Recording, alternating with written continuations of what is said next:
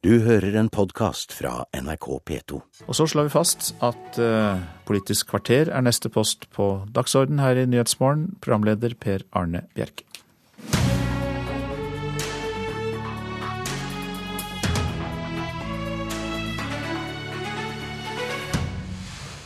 Likestillingspolitikken går i revers, sier Audun Lysbakken, og vil gjøre SV til et feministparti. Han møter Høyres Julie Brodtkorp i Politisk kvarter. Og hvorfor reiser alle toppolitikerne til Arendal på slutten av sommerferien? God morgen og velkommen, SV-leder Audun Lysbakken. Tusen takk. Under Arendalsuka sa du at likestillingspolitikken går i revers. Hva er det du mener? I Norge så har vi en fantastisk historie når det gjelder kvinnefrigjøring og likestilling, som har gått riktignok litt i rykk og napp de siste ti årene, men stort sett alltid framover. Det som er eh, ganske dramatisk egentlig etter regjeringsskiftet i fjor høst, er at vi for første gang på mange tiår har en situasjon der dette er eh, satt i revers. Og Eksemplene på det er veldig mange. Det begynte allerede i fjor høst, da likestilling ikke var et av regjeringens prioriterte prosjekter i regjeringserklæringen, der man trakk tilbake den stortingsmeldingen om likestilling og kuttet alle bevilgningene fra den forrige regjeringen knyttet til den.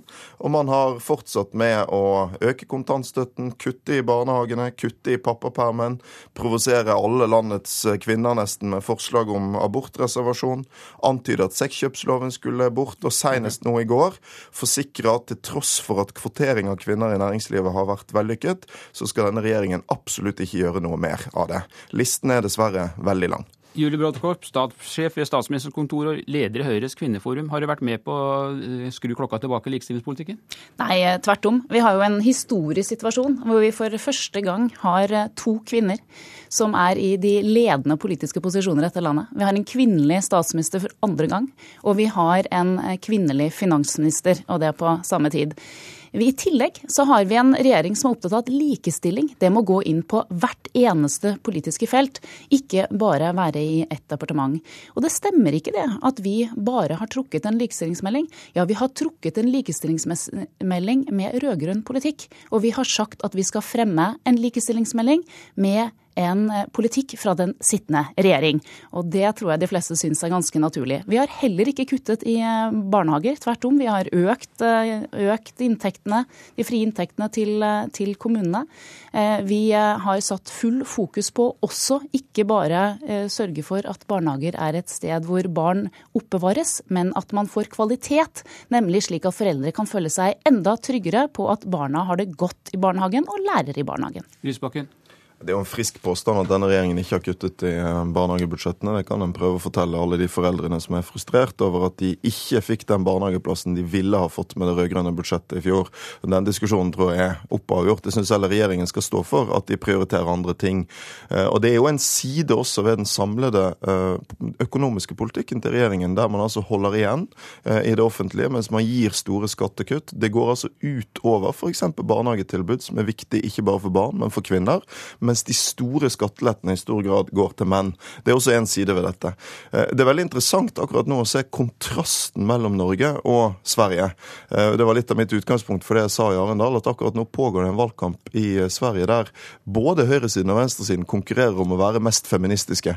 Mens i Norge så er SV omtrent alene om å bruke det Men. Lysbakken, du kan vel ikke mene at ikke også andre partier er opptatt av likestilling? For det diskuteres jo stadig vekk i den politiske debatten. Ja, heldigvis. Men vi har ulike og jeg, jeg anerkjenner jo Julie og Høyre sitt engasjement, men vi har ulike veier dit. Og når du går gjennom listen over det som har skjedd det siste, altså ikke året engang, som jeg uh, hadde en del greatest hits fra i sted, så, uh, så er det dessverre en lang liste med tilbakeslag.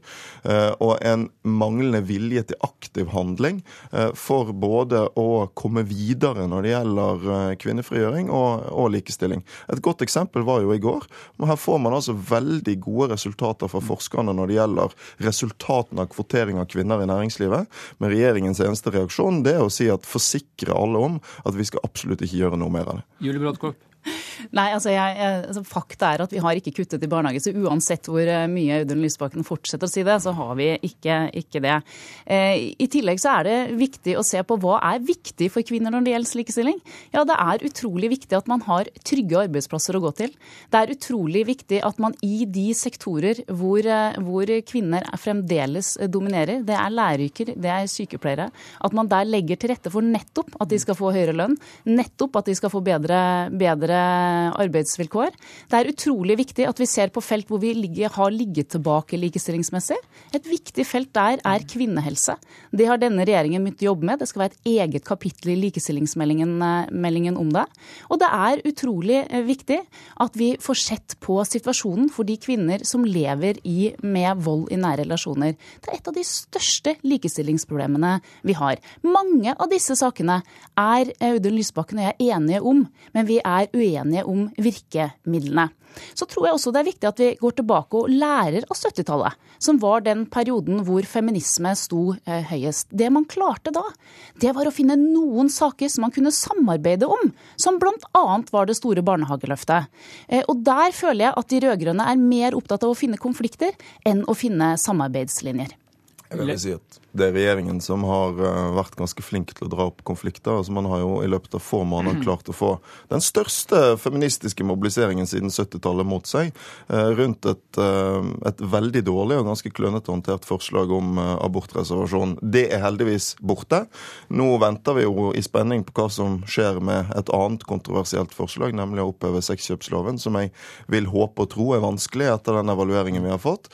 Og så må jeg bare få lov å si sånn, jeg, jeg synes det er, altså det er en ærlig sak at man ikke prioriterer barnehager, men hvis en kommer etterpå og nekter for å ha kuttet, men... når en altså har tatt bort bevilgningene til flere opptak, og kuttet altså store summer fordi en økte kontantstøtten, og når kommunene sa at de manglet penger til plasser denne høsten, latt være å gi de de pengene som trengs. Da er det ganske spesielt å sitte her og si at man ikke har kuttet, bare for å ha sagt det. Folk ute i landet de merker de kuttene, de vet om de, de går ut over barnefamilier som fins. Lytterne har fått med seg hva dere mener om barnehage, der blir dere ikke enige. Men du nevner sexkjøploven, eh, Lysbakken, og Julie Brodtkorp. Regjeringen skal da snart avgjøre hva som skal gjøres med sexkjøploven som eh, mange av dine partifeller ønsket å fjerne, i hvert fall for noen dager siden. Kan du nå svare på om regjeringen går inn for å oppheve forbudet mot kjøp av sex, eller vil dere beholde denne loven? Jeg er som leder av Høyres kvinneforum, eh, og i Høyre så er vi opptatt av at vi nå ser nøye på den evalueringen. Det har også blitt nevnt fra regjeringens hold at man skal se på om det blir en stortingsmelding. Det viktige her er om man har et godt grunnlag for å bestemme seg for hva som er riktig. Og de som da står i fokus for oss i Høyres kvinneforum, det er de prostituerte. Og hva mener man vil være riktigst og viktigst å gjøre for dem? Lysbakken, hvorfor er du helt sikker på at det å oppheve denne loven vil gjøre forholdene enda vanskeligere for de prostituerte? Både politiet og evalueringen sier at loven er et viktig virkemiddel mot menneskehandel. Og det er en ting som er en, et ekstremt viktig moderne feministisk spørsmål, så er det å hindre at Norge er et marked for menneskehandel. Eh, men så vil jeg oppfordre regjeringen jeg, til å legge fram en stortingsmelding, sånn som Julie sier, for det ville være bra. Jeg mener det må være noe game over for debatten om å oppheve loven eller ikke. Det må være umulig etter den evalueringen vi har fått. Men det betyr jo ikke at alt på dette området er perfekt, eller at alt forrige regjering gjorde var riktig. Jeg tror f.eks. det er gode grunner til å se på om vi kan styrke virkemidlene inn mot de prostituerte. Gjøre mer for å hjelpe folk over i et annet liv. Gjøre mer for å eh, hindre de tøffe forholdene en del eh, kvinner forteller om på gaten. Eh, og jeg syns at vi nå burde legge vekk debatten om å oppheve loven, fordi den kan faktisk bli et sovepute både for tilhengere og motstandere av loven. Og så må vi heller diskutere nå hva gjør vi med den situasjonen vi faktisk har knyttet til de som er igjen i prostitusjonen. Hvordan gjør vi deres liv bedre, og være villige til å bruke mer ressurser på det. Det ønsker jeg meg fra regjeringen, og der tror jeg kanskje det er en sjanse for at vi kan bli enige. Eh, Julie eh, blir dere enige? Ja, altså det, det, kan jeg ikke svare på, nettopp fordi at det, at det, vi ønsker er å se nøye på evalueringen. Eh, det er ikke lenge siden den kom. Vi, eh, regjeringen har varslet at man vil se på om man også der fremmer en stortingsmelding. Og Grunnen til det er jo at man mener at man her ikke skal ta de enkle løsningene, men de riktige løsningene. Og da er det alltid lurt å gå dypt inn i både de faktaene som ligger i denne evalueringen, men også annen type kunnskap man kan hente, bl.a. fra Sverige. Lysbakken, du mener at feminismen skal være med på å gjenreise SV. Er dette et desperat forsøk på å få partiet ditt over sperregrensen? Jeg tror alle som uh, kjenner norsk politikk, vet at SV alltid har vært et feministisk parti. Men det å være feminist det handler om noe så enkelt som å erkjenne at makt og penger er skjevt fordelt systematisk mellom kjønn, og at uh, det også er langt igjen til likestilling i norske familier. Vi har f.eks. et stort voldsproblem fortsatt i det norske samfunnet, og ville gjøre noe med det. Og Det betyr at både menn og kvinner kan være feminister, både sosialister og borgerlige. Men det er et paradoks at SV er det eneste erklært feministiske partiet på Stortinget i dag. Det viser jo at vi har et godt stykke å gå. Eksempel sammenlignet med den svenske valgkampen nå, der alle partiene slåss om å ha den største feministiske troverdigheten. Det er nok et litt bedre utgangspunkt for å komme videre med det store frihetsprosjektet som likestilling er. Brodkorp, føler du at eh, venstresiden forsøker å ta monopol på feminismedebatten? Eh, nei, vet du hva, jeg føler at dette er en veldig fin debatt. Eh, fordi at det det skaper, og som har skapt over i Norge også, er en debatt om likestilling og feminisme. Og det er, er vi i Høyres kvinneforum utrolig glad for. Og så viser det én ting, og det at vi fremdeles er der vi var på 1800-tallet, hvor vi er enige om målene, men vi er helt uenige om virkemidlene. Virkemidlene for sosialister har vært reguleringer og tvangstrøyer. Virkemidlene for de borgerlige er insentiver og positive virkemidler. Der ligger forskjellene, men målene er mye det samme. Takk skal dere ha, Audun Lysbakken og Julie Brodkorp.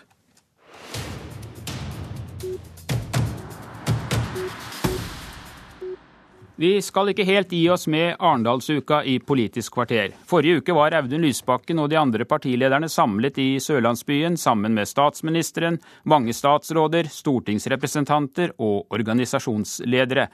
Og primus motor for arrangementet er deg, fylkesmann i Aust-Agder, Øystein Djupedal. Hva er det du gjør for å få hele det politiske Norge til å tilbringe ei uke i Arendal? Nei, det er litt vanskelig å si, egentlig. Vi har, vi har åpenbart truffet nerve, på, eller et behov. Jeg tror ikke det er det at vi er så veldig geniale som arrangerer Arendalsuka, men jeg tror at eh, norsk politikk har savna en litt uformell arena utenfor Oslo, der man kan både mingle, der man kan ha litt uformell tone, der man kan ha gode debatter, og der man har litt bedre tid til refleksjon. Så det har jo blitt akkurat det vi drømte om, en folkefest for folkestyret. Og denne uka som var bak oss, eller forrige uke, har jo vært helt enestående. Det var 40 000-50 000 besøkende i Arendal.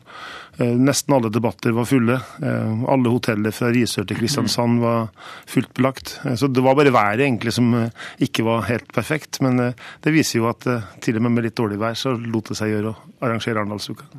Eh, forrige uke gjennomførte dere et stort, et stort antall arrangementer, som du var inne på. Ofte var det flere store debatter på samme tid. Kommer dere til å følge samme opplegg i fremtiden, eller er det aktuelt med litt færre og kanskje litt tydeligere temaer som kan prege uka? Ja, vi er veldig opptatt av å, å få tilbakemeldinger fra alle de som var her, om hvordan vi kan gjøre ting bedre. Vi er jo ikke profesjonelle arrangører av denne typen si, festivaler. Vi har, jobber ved siden av og gjør helt andre ting. Så vi er veldig avhengig av at både organisasjonene, partiene, eh, journalistene ikke minst, gir oss tilbakemelding om hvordan vi syns vi kan gjøre dette bedre. Vi gjør jo dette fordi vi har veldig tro på folkestyret, på demokratiet, og lag denne typen arenaer. Sånn at vi er veldig avhengig av å få gode innspill, og vi lytter veldig gjerne til hvordan vi kan gjøre ting bedre. Du har jo selv en eh, lang eh, politisk fortid, Djupedal, både som statsråd og stortingsrepresentant for SV. Hva tror du et slikt arrangement som Arendalsuka har å si for den eh, politiske interessen i Norge? Ja, Det er jo veldig morsomt. fordi at F.eks. For på tirsdag i forrige uke så hadde vi fire debatter fortløpende i, den, i Kulturhuset i Arendal. Og de var fulle alle sammen. I løpet av én dag så var det nesten 3000 mennesker og hørt på ulike politiske debatter. Og det var samtidig med at det var mange mange debatter overalt ellers i byen.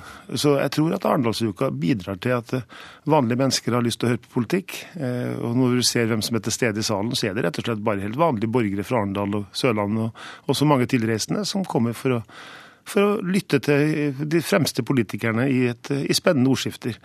Og så har vi jo litt bedre tid. Dette er jo ikke TV-ruta. Dette er våre debatter en time eller kanskje enda litt lenger. Og det er viktig for å legge til rette for refleksjon, for dybde, for å begrunne de ulike partiers standpunkt. Neste år er det kommunevalg, og vi hører jo stadig at mange er bekymret for interessen og valgdeltagelsen ved lokalvalgene. Hva kan dere i Arendalsuka gjøre for å få flere velgere til å bruke stemmeretten sin ved kommunevalget? Ja, jeg vet ikke om vi klarer det, men vi skal, langt, hvis partiene vil, så skal vi lage Arendalsuka også til neste år. Og det er en folkefest for demokrati og folkestyret. Det er gratis, det er tilgjengelig for alle. Og det er en forutsetning for å være her. Det var 106 utstillere i dag i år. Partiene og mange mange av de aller viktigste organisasjonene i Norge. Så, sånn sett så tror jeg at dette bidrar til interessen for politikk. Men interesse for politikk er nå én ting, men det å gå og stemme er noe annet. Og vi skal gjøre det vi kan for å ha interessen for demokratiet, men jeg tror det er vanskelig for oss å si at vi skal ta ansvaret for at folk skal gå og stemme. Det må hver enkelt borger avgjøre for seg selv. Takk skal du ha, fylkesmann i Aust-Agder, Øystein Djupedal. I formiddag åpner statsminister Erna Solberg Hersleb skole i Oslo. I resten av landet fortsetter lærerstreiken, og mange elever som i dag skulle hatt første skoledag etter ferien, møter stengte dører. Elevorganisasjonen skal ha et møte med Utdanningsforbundet i ettermiddag for å drøfte hva man kan gjøre for elevene i ungdomsskolen og i videregående opplæring, som i første omgang er de som blir hardest rammet av streiken. Og det var Politisk kvarter. Jeg heter Per Arne Bjerke.